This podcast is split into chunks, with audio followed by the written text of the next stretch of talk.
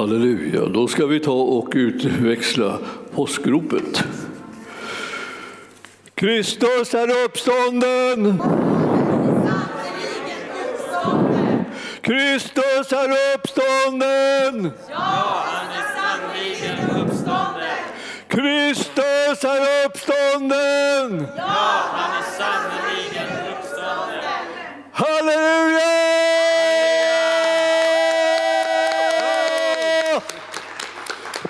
Prisad vare Gud. Varsågoda och sitt.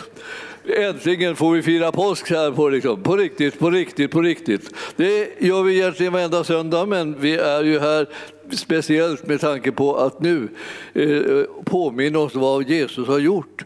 Och att det där, att Jesus har blivit levande efter att han har gett sitt liv till försoning för vår synd, det gäller än idag. Han är fortfarande levande. Och vad, vad, betyder det att han fortfarande lever, tro? Ja, det betyder ju det att eh, synden är fortfarande försonad. För i annat fall så hade, skulle han inte komma undan. Så han har inte bara dött för den synden som hade begåtts fram till en punkt då han dog, utan han dog för all synd för hela världens synd, både den som har varit och den som ligger framöver. Den som ännu inte har kommit också så att människor kan bli försonade med Gud och förlåtna för, för sin synd om de tar emot honom som sin frälsare. Och den som eh, tar emot Jesus i sitt hjärta och låter sig födas på nytt, då, den personens synd den är ju då försonad för dess räkning. Han, det, han, han har gjort det just för den personen personligen. Alltså. Det är den det gäller. Och man kan bekänna sig till det och man kan hålla fast vid det, att det är min synd som är förlåten. Och det här är någonting som eh, den som tror får en väldig styrka av. Det är en frimodighet och en glädje när man ser att det där gäller ju mig. Och, då, och eh, det, är, det är skillnad om man tänker ja, det gäller eh, om man är på det, vis, eh, det ena eller andra sättet. Och så Det enda som är att man ska hålla fast vid sin frälsare. Det är han som är garantin för att förlåtelsen och för synden är liksom genomförd och fullbordad och behöver inte gå tillbaka. Han har redan betalat priset för alltsammans. Han har redan gjort det. Och, och då är det så att, det att vi får en utmaning. Att, så att säga, vad gör vi när vi blir älskade på det här sättet? För det första förstår vi att vi har blivit älskade så av Gud. Att han har han förlåtit oss vår synd, han har dött för den, han betalar priset. Det finns ingenting som återstår. Ibland så säger vi så här när vi läser i skriften, så här, jaha, så att vredesdomen eh, den, den, är, den, den är redan förbi. Ja, vredesdomen den har ju drabbat Jesus med all världens synd. Så det är inte vredesdom är inte någonting som vi ska vänta ska drabba oss. För vi har tagit emot den seger som han har vunnit när han gav sitt liv till försoning för all synd. Hans blod är, är verksamt och kraftfullt för att försona både din och min och alla människors synd. Men, men det, vem är det som får del av det? Den som tror. Därför när vi tar emot Jesus så är det viktigt för då blir det så att, att vi blir förlåtna och blir försonade med Gud. Det är försoningen som har blivit en verklighet. Låt försona er med Gud, är det som Herren säger att vi ska dela med andra människor. Ta emot det här. Det är gratis. Han har redan gjort det. Saken är redan klar. Gläd dig med oss andra att vi är förlåtna och försonade med Gud. Så när han ser på dig så är det inte någon slags domsblick som kommer över ditt liv och då du liksom ska göra rannsakas och, och alla dina brister och allting ska uppdagas och, du, och vi ska liksom försöka liksom trycka ner en medvetenhet om vilken syndare du är. Men han är här för att tryck, tala om för dig eh, hur älskad du är, hur försonad du har blivit med Gud genom den gärning som Jesus har gjort. Det är Jesus som frälser. Det är han som har lyckats frälsa dig och mig. Alltså. Och han har gjort det så med besked så att det, där frälsningen ligger hela tiden bara och väntar på att du ska ta ut den till fullo. På alla områden. Och jag, när, jag, när vi läser de här texterna som har gått nu i påsken, vi har ju haft lite textläsning och vi kommer fortsätta på annandagen också med textläsning, för att vi läser de här texterna som är liksom själva centrum i den kristna tron. Jesu död och uppståndelse handlar allt sammans om. Så himmelske Fader, vi ber att du ska öppna våra ögon i hjärtat. De där vi ser, ska se det här på djupet och förstå vilka vi är och vem du är och vad du har gjort. Vi ber här om din stora hjälp och din uppenbarelse för att kunna ta emot något så underbart och så härligt, något så genomgripande och skakande som att du har dött och uppstått för vår räkning. Vi prisar dig Herre för det. Vi tar emot det med glädje i våra hjärtan. I Jesu namn. Amen. Ja, vi ska gå till det femtonde kapitlet i första Korintierbrevet. Det kapitlet handlar om uppståndelsen.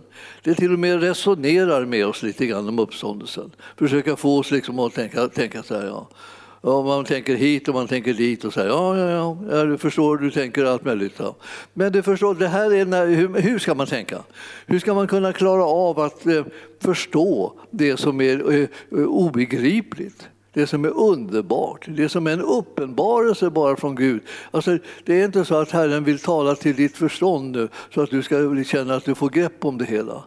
Han talar alltid, när det gäller sin gärning, till ditt hjärta, till din ande alltså. Han talar till djupet i ditt innersta för att väcka tro.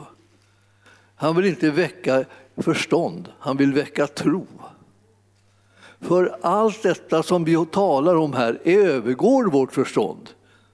Det har vi kanske kommit på efterhand. Vi har försökt att förstå allt möjligt eh, genom åren.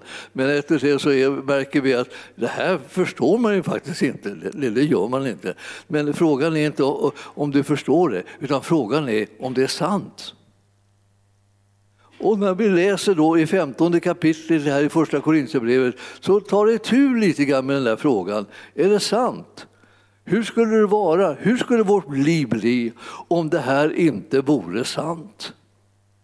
Ja, då står det då vore vi de mest beklagansvärda, ynkliga människor som tänkas kan i den här världen. Vi tror att Gud har gjort någonting som han absolut inte har gjort. Stackare, det är vad vi är. Men nu är, så, nu är det så här att det är så, i det läget hamnar vi om Jesus inte har uppstått från de döda. Men så är, nu har han uppstått från de döda och därför så har vi en helt annan situation. Vi är, vi är de som kan med frimodighet bekänna oss till hans gärning och hålla fast vid det. Nu ska ni få se. Vi ska gå, alltså man, kan ju inte, man kan ju inte predika hela det här kapitlet, det går inte. Då, då kommer vi aldrig att skiljas åt. Det, och jag, det, nu tänker jag inte liksom att, det, att ni sitter och längtar just efter det, att vi ska skiljas åt. Men så småningom börjar man ju längta efter det, om det liksom aldrig, aldrig tar slut. Men, men, men vi ska ta liksom lite glimtar. Det finns sådana här särdeles underbara versar fantastiska saker som står. Ja, då står det så här eh, från eh, det femtonde kapitlet och vers 50. Jag hoppas att ni någonsin har läst så långt i det kapitlet, inte gett upp. Liksom, det, det här det blir bara härligare och härligare, starkare och starkare. Men, det säger jag er bröder, nu talar eh, eh Paulus till de troende, att kött och blod inte kan ärva Guds rike. Det här handlar alltså inte om, om kött och blod, det vill säga mänskligheten, det är alltså det mänskliga, det är inte det som, det, det är inte det som ärver Guds rike, utan det är det där gudomliga som, är, som finns in på insidan av oss. Vi människor består ju inte bara utav, av kropp och själ, utan också av ande. Och i och med att vi som består av kropp, själ och ande har fått en sån fantastisk uppenbarelseplats där vi kan lära känna Gud och få del av hans fantastiska, underbara gärningar i vårt innersta, i vårt hjärta säger vi ibland, men vi menar då vår ande. Alltså. Det är vår ande, vår innersta. Där uppenbarar sig Gud. Där bor Guds helige ande i vår egen ande. Alltså människan har en egen ande. Och sen, och, och sen är Gud, den heliga ande, också närvarande. Så när vi blir frälsta flyttar han in i vår vår ande som då har fått liv igen. Vi har varit andligt döda när vi inte hade synden försonad och inte har tagit emot försoningen. Men nu, nu har vi blivit andligt levande. Och om du bryr dig om din ande så ger du din ande näring. Förstår du? Du kan inte, du kan inte lägga den på svältkurs. Liksom så här. Eh, och, och, där ligger den då liksom, och eh, har, har ingenting av näringsrikt att, eh, att äta eller leva utav. Den förkrymps och blir nästan ingenting. Det blir ingen kraft. Det verkar inte som det var någonting som riktigt fungerar i ditt andliga liv, vilket lätt kan hända om man inte ger det näring. Vad är det som är näring? Ja, det är Gudsordet som är näring. Och Andens förklaring och uppenbarelse av ordet, det ger dig näring i din innersta. Då kommer din ande bli stark och verksam och liksom fungera så som den ska. Där, i ditt innersta, är uppenbarelseplatsen där Gud kan förklara eller uppenbara saker som inte går att förklara för din själ. Alltså ditt förnuft och ditt sinne. Där när, när Gud talar om de här sakerna, då går det en förbi. Bara. Det bara susar till liksom på något sätt och så, så känner man man bara ger upp, man fattar ingenting.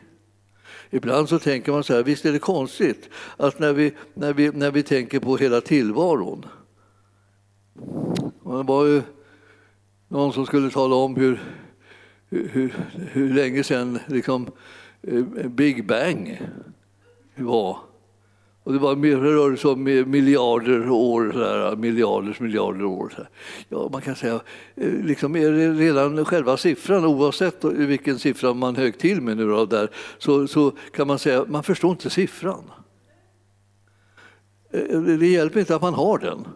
Man förstår den ändå inte.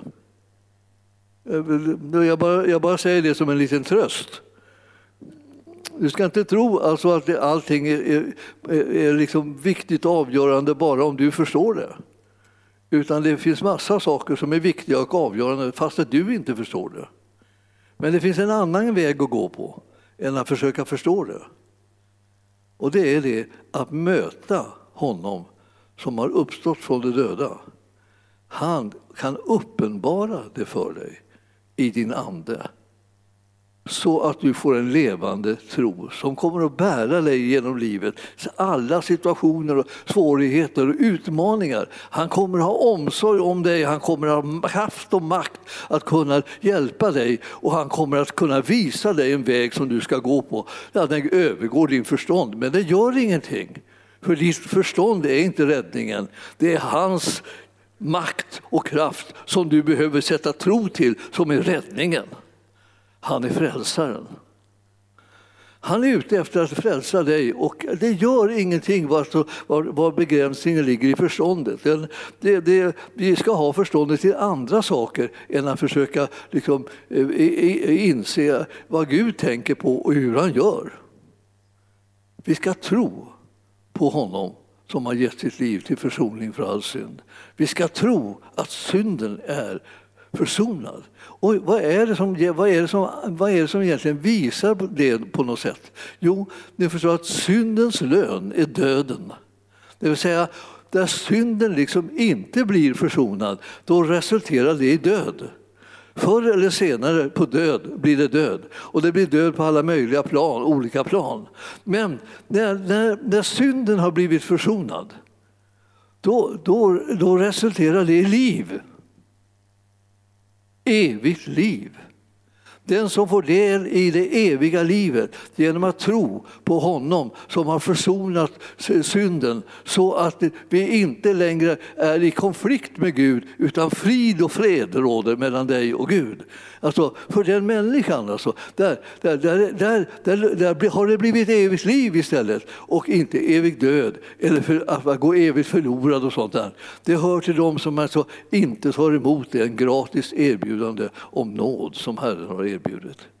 Han vill att alla människor ska bli frälsta. Alltså, Vare sig du sitter här eller du är där och tittar. Alltså, alla människor ska bli frälsta. Det är vad Herren har. Vad, vad, vad gör han det för? Han älskar människor.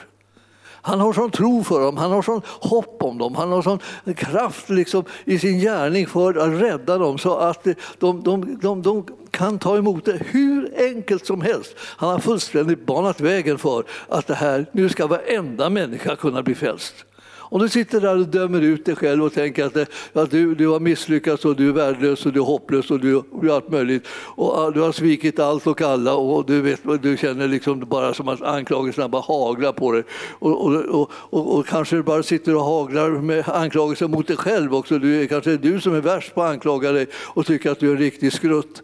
Du kanske har helt rätt, men det förstår att frälsaren, han frälser vem som helst. Alltså, det, det, det, är inte så att han, han frälser dem som har skärpt sig. Utan han frälser vem som helst. Varför gör han det? Därför att de ska kunna leva ett annat liv.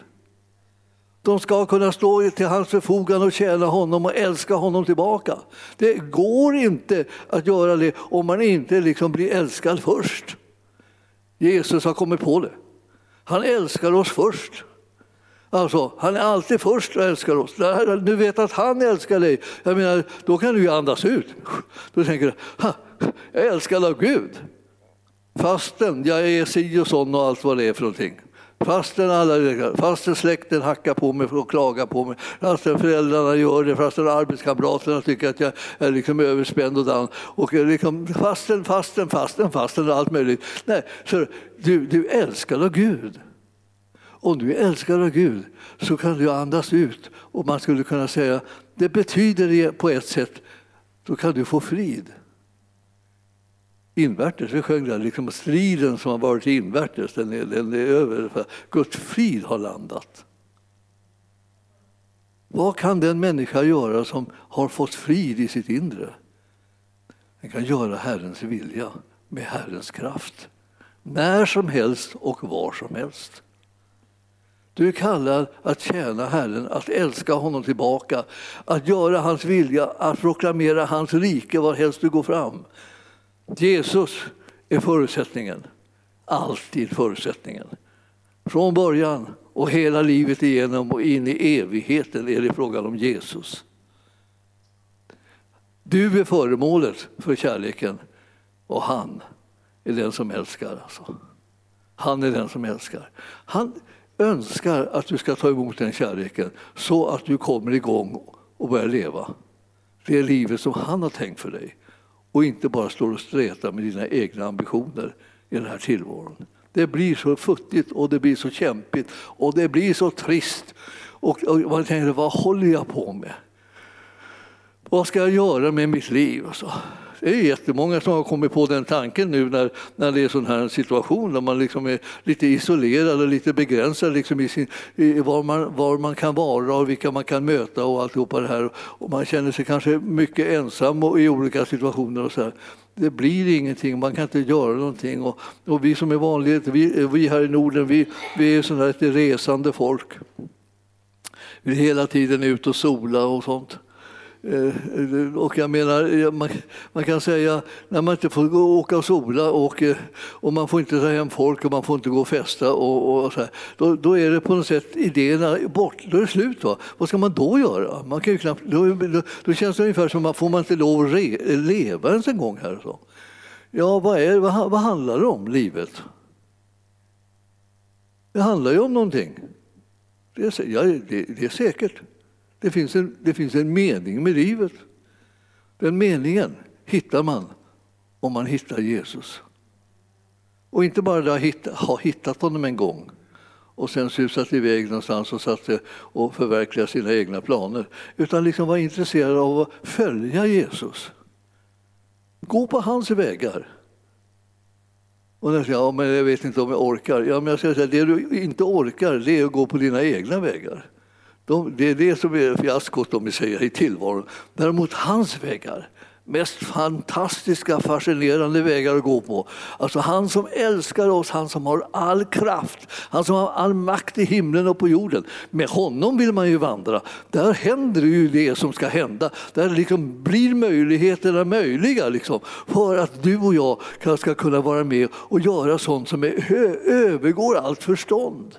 Vi slipper liksom springa omkring i en begränsning och säga ingenting räcker, ingenting har jag, ingenting kan jag och ensam är jag och alltihopa det här. Och bara älta det här, älta det här. Till slut liksom man, man blir så trött på sig själv och på allt och man tänker, vad, vad, vad, vad går det ut på? Det handlar om Jesus.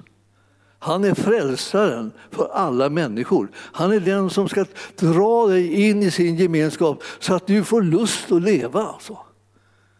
Alltså att leva med honom, det är ju, det är ju verkligheten själv. Ni vet. Det står om Jesus att han är verkligheten själv. Jesus Kristus, han är verkligheten själv, står det vid Kolosserbrevet. Där man tänker milde till, är, han, är det han som är hela verkligheten? Ja.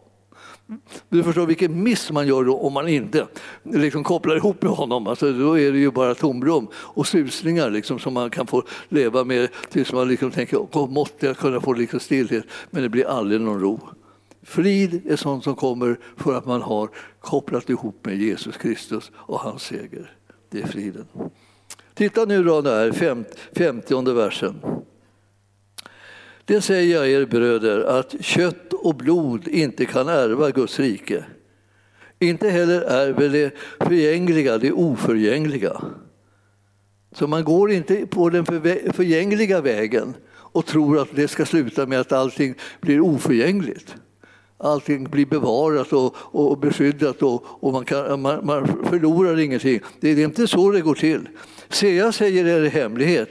Vi ska alla in, inte alla insomna, men vi ska alla förvandlas. Det finns ett hopp om evigt liv som betyder det att man dör inte, man, man, man kommer att bli förvandlad när man eh, tas till honom som man har trott på här i livet. I ett nu, i ett ögonblick vid den sista basunens ljud. Ty basunen ska ljuda och de döda ska uppstå eh, odödliga och vi ska förvandlas. Ty detta förgängliga, förgängliga ska iklädas oförgänglighet och detta dödliga ska kläs i odödlighet. Men när detta förgängliga har klätts i oförgänglighet och detta dödliga klätts i odödlighet, eh, eh, då eh, ska det ord fullbordas som står skrivet. Döden är uppslukad och seger vunnen. Var kommer det ifrån? Det kommer ifrån Jesu gärning. Att ta på sig och till sig all synd och dö för den. För det, om syndens lön är döden och döden redan har inträtt för all synd så, så är det så att då finns inte konsekvensen död längre. Då finns liv. Vad är det vi får när vi har tagit emot Jesus i tro? Vi får evigt liv. Visst? Vad tänker, vad betyder det? Det betyder ingen död. Ja, men alla människor dör, det vet vi alla. Alla dör. Jag vet det jättemycket, för jag har vuxit upp på ett ålderdomshem. Där dog folk hela tiden. Så ingen ska komma och säga till mig liksom, ja, ja, ja, de, man dör inte längre. Jo, men så nu, nu tänker vi så här, vad är det för, för död som vi pratar om här? Vi pratar om döden eller livet i anden. Vi vet att våra kroppar har en begränsad tidsrymd, så att säga, då det är här på jorden. Vi vet det. Och kommer Herren komma och rycka upp oss till himlen innan vi hinner lämna kroppen så kommer han låta det, det dödliga i kroppen uppslukas av en, eh, en odödlig kropp. En evighetskropp. Så det har han planerat då. Men om det är så att vi dör nu och blir begravna och, det, och Herren har inte kommit tillbaka ännu eh, så är det så att det, kroppen är visserligen gått tillbaka till jorden men anden går hem till himlen där Herren är. Vi här får evigt liv. Vi kommer inte någonsin att bli skilda ifrån honom som vi tror på. Ni känner till att sådana löften delas ut i bibelordet. Och om ni inte gör det så vill jag verkligen säga till er, ni behöver läsa Bibeln för att kunna vandra trygga i den här världen och inför evigheten. Man behöver känna sin Herre och veta vad han gör och vad han kan och vad han förmår och vad han vill för att man ska kunna känna sig trygg. Ja, men då så. Är det här hans vilja, är det här hans plan och så, då är jag trygg. Och jag vill att du ska vara trygg. Och det vill Herren också. Jag står ju här för att försöka påminna dig om att din trygghet ligger förankrad i Jesus Kristus. När du säger till honom Jesus, förlåt mig mina synder, kom in i mitt hjärta och fräls mig. Så kommer han. Alltså då kan man tänka så här, ja, och, och, och, tänk om han inte kommer då? Ja, men så den tanken behöver du inte tänka, för han säger att han kom, kommer då. Om du med din mun bekänner Jesus vara Herre och ditt hjärta tror att Gud har uppväckt honom från de döda, då blir du frälst. Och det betyder får evigt liv. Då är det inte så någonting, det kan hända något annat, då kanske det blir så här eller så där. Det här är ingen gissningsstund, det här är en kunskapsfråga. Du har fått en bibel för att du inte ska behöva gissa utan du ska kunna veta vad det står skrivet så att din ande får näring och ditt andliga liv får kraft att ta emot den hela härligheten av ett evigt liv. Jag ska läsa en liten bit till här. Då. Döden är uppslukad och seger vunnen. Ja, Jesus. Han genom att dö för synden och ta på sig straffet för all synd, han gjorde att segern blev vunnen och döden blev uppslukad. Och det hände då att man måste börja ställa frågan, du död, var är din seger? Och du död, var är din udd? Och den där frågan är en väldigt viktig fråga. Förstår du? Att, eh, att om döden, eh, syndens lön är döden, står det. Det betyder ju det att om, om du behåller synden så blir konsekvensen döden. Inte bara liksom en sån här död att du en gång ska dö här i jordelivet. Det här jordelivet har en viss begränsning. Men frågan är fortsättningen. Var ska den vara? Det finns två eh, hemvister så att säga, som man kan hamna i. Det ena är den eviga döden och det andra är det eviga livet. Jesus ger dig evigt liv när du tror på honom.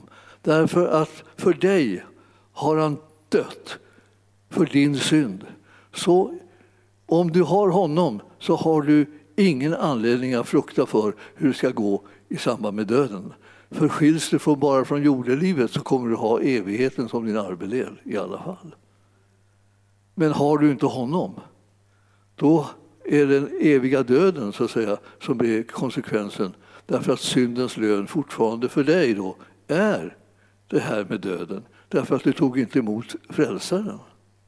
Du behöver frälsaren för att bli frälst. Han säger ta emot min gåva till dig, frälsning. Jag har erbjudit den för att du ska ta emot den. Och när du tar emot den så får du en visshet om evigt liv. Alltså den som du tror på, han kan frälsa. Han är mäktig att frälsa. Man läser sin bibel för att få, få en övertygelse och visshet om att vi har en frälsare som kan frälsa. När han dör, eh, då, då dör vi. Och när han uppstår så uppstår vi. Så skulle man kunna uttrycka det också för att vi ska förstå, vi hör ihop med honom, vi som tror på honom. Och vi tror inte på honom i huvudet, vi tror på honom i, i vårt hjärta. Så att ingen behöver liksom pressa sitt huvud till, till vanvett och tänka, jag får inte ihop det i huvudet. Nej, det är ingen som har fått ihop det i huvudet. Det är inte där du ska få ihop det, du ska få ihop det i ditt hjärta. När du hör att du är älskad av Gud och hör att han, han vill att du ska bli frälst och han vill att du ska bli försonad med honom för han älskar dig. Ja, då förstår du, kan du säga ja tack till det erbjudandet. Du behöver inte sitta där och tänka, förstår jag det nu då? Det var inte frågan. Frågan var, liksom, vill du ha den gåvan gratis som jag erbjuder dig? Av nåd kan du bli frälst om du sätter tro till Jesus och tar emot honom i ditt hjärta. Och snart så kommer du märka att det blir jätteenkelt, det kan ju vem som helst gå och bli frälst. Ja, det är det som är meningen. Det är inte, inte meningen att det ska finnas hinder. Vi sätter upp en hinderbana, svårare och svårare, värsta hinder. Till slut så är, kommer ett hinder, ingen kommer över det. Ja, då kan man tänka, ja, vad var det jag tänkte, liksom, så här, det är hopplöst det här. Ja. ja, det här är lagens väg, hinderbanan. Herren, Herren ger oss nåd. Det betyder att du kan ta emot det genom tron, gratis. Och det är så underbart. Och så, jag, jag måste säga det, hur ska vi kunna få fler och fler att eh, tro på det? Jo, genom att tala om för dem att Herren älskar dem. Så han försöker inte göra livet svårare. Han försöker rädda oss ifrån det här livet som är svår, svårigheterna och synden och mörkret och alltihopa som råder i den här världen. Räddningen är hans plan. Frälsningen är hans plan alltså. Och vi kan bli delaktiga i den. Så, vi ska läsa lite försiktigt nu då. Det här är så otroligt bra så att man svimmar ju nästan. 55, vers 55. Du död, var är din seger? Alltså han säger så här, hur gick det med segern, döden? Det gick inte. Jag har planerat hela tiden att försöka få döden in i alla människor överallt och allting ska bara, bara fastna liksom i mörker. Men så nu kom Jesus in och, och det blev hans seger. Och för att du död, var är din udd? Vad var udden för någonting? Det var synden. Om synden kommer in följer döden. Så att man brukar tänka på det som ett svärd. Och jag har sagt det här många gånger till men jag vill bara säga det igen. Det här, om det här är själva svärdets blad, min arm här, så är det här längst fram, det är själva synden. Det är udden. Om udden kommer in när man sticker med svärdet så följer döden. Men om udden är avbruten, som det står här i den här texten, så kommer inte synden in. Den har ingen udd. Så den bara studsar på det hela så bestående där. Och då kan inte döden komma in heller.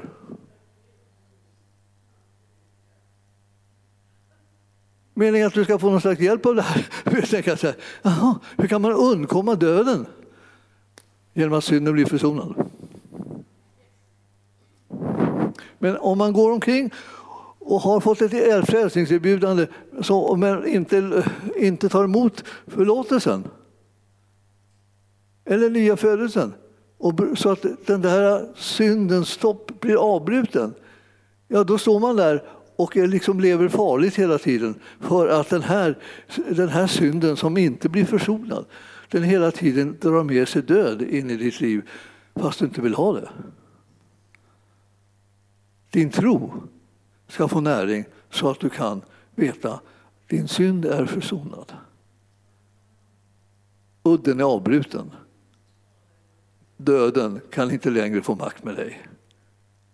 Det är därför, det är därför han talar som han talar här. Ser Du död, var är din seger? Du död, var är din udd? Jo, dödens udd är synden, står det i 56. Det var det jag sa nyss. Och syndens makt, vad kommer den av? Ja, det finns alltid någon som håller i svärdet. Den som håller i svärdet och vill svinga det för att trycka in synden och döden i våra liv, det är lagen. Så den som griper tag i svärdet och sticker det i dig eller i mig, det är lagen. Och då förstår du så här eh, att dödens udd är synden, men syndens makt, det vill säga kraften, möjligheten att få den i rörelse, det är lagen. Det är därför du och jag inte ska leva ett liv av lagen utan av nåden. För förr eller senare så, så tar lagen över och då sätter den i rörelse hela den här processen med synd och död in i vårt liv i alla fall tänkte så här, det ska inte komma, det ska inte hända, det får inte hända, det, det kommer inte att bli så. Och, men det spelar ingen roll vad du sitter och tjafsar. För det här handlar om vad Jesus har gjort, om du har välkomnat honom eller inte. Om du låter honom försona din synd och förlåta dig så att du inte längre är en syndare utan en rättfärdig människa. Frälst av nåd. Alltså. Men vi har en ställning här tack vare Jesus som är så underbart god och stark och trygg och viss. Så att det är, det är bara jag säger det, ta emot det, ta och bejaka det hela tiden. Prisa och tacka honom för det. Du har blivit frälst genom ren nåd. Du har blivit förlåten, du har blivit försonad med Gud. Du har blivit rättfärdiggjord av Jesus genom att han tog straffet för din synd och du fick hans rättfärdighet. Vilket byte! Man bytte bort synden mot rättfärdigheten. Det är ett byte som man aldrig ska gå med på att det går tillbaka. Man bestämmer sig för att det ska släpper jag aldrig. Och hur håller jag tag i det? Med tron. Och hur håller sig tron stark? Med Gudsordet. En del tänker så här, ja, jag var så brinnande förr, så här, jag började vara så brinnande. Liksom. Många av er har gått på bibelskola. Det kanske ni har, har ni kanske tänkt så här, ja, åh vad brinnande jag gick på bibelskola. Så nu men jag har blivit lite ljum och avslagen. Vad tror du det beror på? Är det, tror du bara att det, liksom, är det någon som är dum mot dig eller någonting som, som inte låter det bli brinnande längre? Eller är det du som har bara blivit gammal och trött eller något? Eh, nej, det är inget av det. Utan det är det, du har inte gett någon näring till, till ditt andliga liv till tron genom gudsordet och gudstjänsten och sådana här saker på det sättet som du behöver för att du ska kunna vara lika brinnande som du var en gång. Tro inte liksom att det är liksom någon slags bara olyckshändelse eller hoppsan, det blev så här. Det, det var så här, så här gjorde du det genom att du inte åt. Vad äter du inte för? Det är onormalt. Det är onormalt att inte äta. Om man vill ha liksom någon kraft i det andliga livet måste man ju äta. Vi vet ju det. Vi, vi är inte så korkade som vi låtsas ibland. Ja, nu tyckte ni inte om den formuleringen. Jag tar tillbaka den och säger förlåt, förlåt. Eh, eh, jag får säga det på något tjusigare sätt. Alltså, ni, ni är inte så omedvetna som ni låtsas om ibland. Vi säger så då. Men jag vill bara säga, välkommen tillbaka till ljuset, till klarheten. Så också avhjälp. Medicinen är redan given. Du har Guds ord tillgängligt. Bara sätt i dig det för fullt. Så ska du se vilken skillnad det kommer att bli på ditt liv. Du behöver inte hålla på och klaga om och säga att oh, jag har blivit lite trött, det blir lite segt. Eh, jag tror inte jag har det där i mig. Det finns en del som säger jag är inte så andligt, jag är inte så andlig jag. Jag ska säga, jag säga så här, nej, vem tror du blir andlig på den svältkosten som du kör med? Det är klart att du inte blir särskilt andlig, men om du vill bli andlig så ät lite då. Och se till att du får någonting i det. Kommer du säga, musklerna växer och kraften tilltar och tänker oh, halleluja, ja, ja, jag har en tro som kan försätta berg. Ja visst, Herren vill att du ska ha en sån tro. Och den är tillgänglig för var och en. Så tro inte liksom att det liksom bara, du har drabbats av något orättvist. Utan du, du matvägrar. Det är, det är saken. Jag ska inte bråka mer, men det, jag vill egentligen det. För att jag, jag, tycker att det är ynkligt alltså, och sorgligt att du ska bara gå omkring och, och hänga med huvudet och vara ljummen när du inte behöver. Du kan vara hur brinnande som helst. Du kan vara liksom en, någonting som, eh, liksom ett äventyrlig person som bara kommer att explodera och, som, och det kommer bära god frukt var helst du går fram. Se till att du blir en bärare av evangelium och förhärliga namnet Jesus. Det är, det, är, det är livet som är värt att leva. Nu så kommer jag in på avslutningen här. Jag ska, jag måste, man måste in på avslutningen jämt. 57, vers 57. Men Gud var det tack som ger oss segern genom vår Herre Jesus Kristus. Och eh, var det därför, var därför fasta nu och orubbliga mina älskade bröder. Det betyder också systrar, om ni undrar om ni är bröder, så är ni det andliga bröder också. Alltså, ni troende. Alltså, det vill säga mina älskade troende vänner nu här. Så, Arbeta alltid hängivet för Herren eftersom ni vet att ert arbete i Herren inte är förgäves. Ert liv behöver inte vara en miss. Liksom då ni tänker, åh, det blev ingenting. Ja, här försökte man. man försökte leva ett meningsfullt liv och så blev det ingenting. Och då när vi säger sådana här saker så vill jag återigen säga till er, Tänk på era ordvikter ni använder. Ni, ni pratar om det som att det blev ingenting. Men så där är det inte med livet. Det, det, det är så här, gjorde du någonting av det? är frågan. Inte så här lite passivt, det blev ingenting. Här sitter jag och så blev det ingenting. Det är, det är frågan om att du ska göra någonting av det. Förvalta ditt pund alltså. Herren älskar ju dig. Det finns ingen gräns på vad han vill göra i och genom ditt liv. Och du behöver inte alls gå omkring och sätta en skylt på dig, liksom så här, ljummen. Jag är liksom mer ljummen kristen. Jag är, jag är lite, lite sådär, jag är inte sådär så jag brinner för Jesus överallt. Jag, jag pratar inte så mycket om honom. Jag, och allt möjligt håller man på att prata in sig i något slags konstig, konstigt liv som Herren aldrig har gett dig. Han har gett dig ett liv där, det, där du brinner så det knakar. Han har gett dig ett liv där du har möjlighet att tjäna honom så att du ser resultat och du märker att det händer någonting. Du kommer att kunna få bönesvar, du kommer att kunna liksom känna hur kraften flödar, du kommer, kommer bli, bli till välsignelse för andra människor. Bara du vågar tro på honom som, som har gett sitt liv för dig. Han har uppstått för att du ska leva i uppståndelsens kraften. Nu kommer det här. Res dig upp i uppståndelsekraften. Det sa Graham Powell alltid. Så man kände så här, man fick en utmaning. Så man kände, Oj då, ska jag, måste jag uppståndelsekraften? Ja, den kraften är tillgänglig för dig och mig. Vi ska inte leva i en sån svaghet, utan vi ska leva i och av Guds kraft. Det är den heliga Andes alltså, skäl till att han finns och att han är här, är att han vill vara den heliga Andes kraft i ditt liv så att du kan vara med och upprätta Gudsriket och välsigna människorna. Himmelska Fader, vi ber att du ska komma med din härlighet och närvaro in i vars och ens hjärta och liv.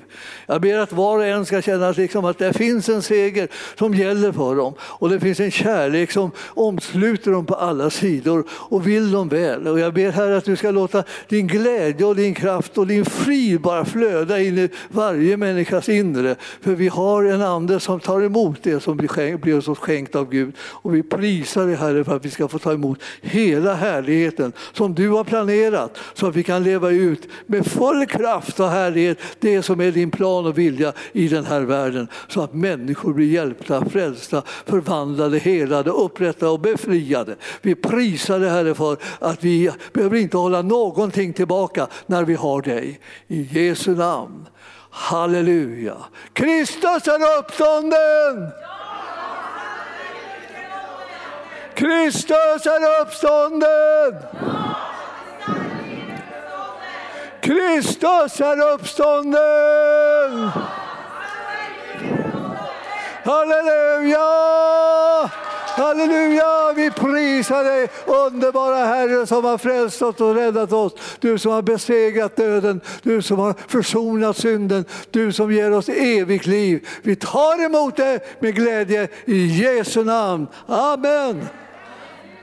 Tack Jesus. Tack Jesus.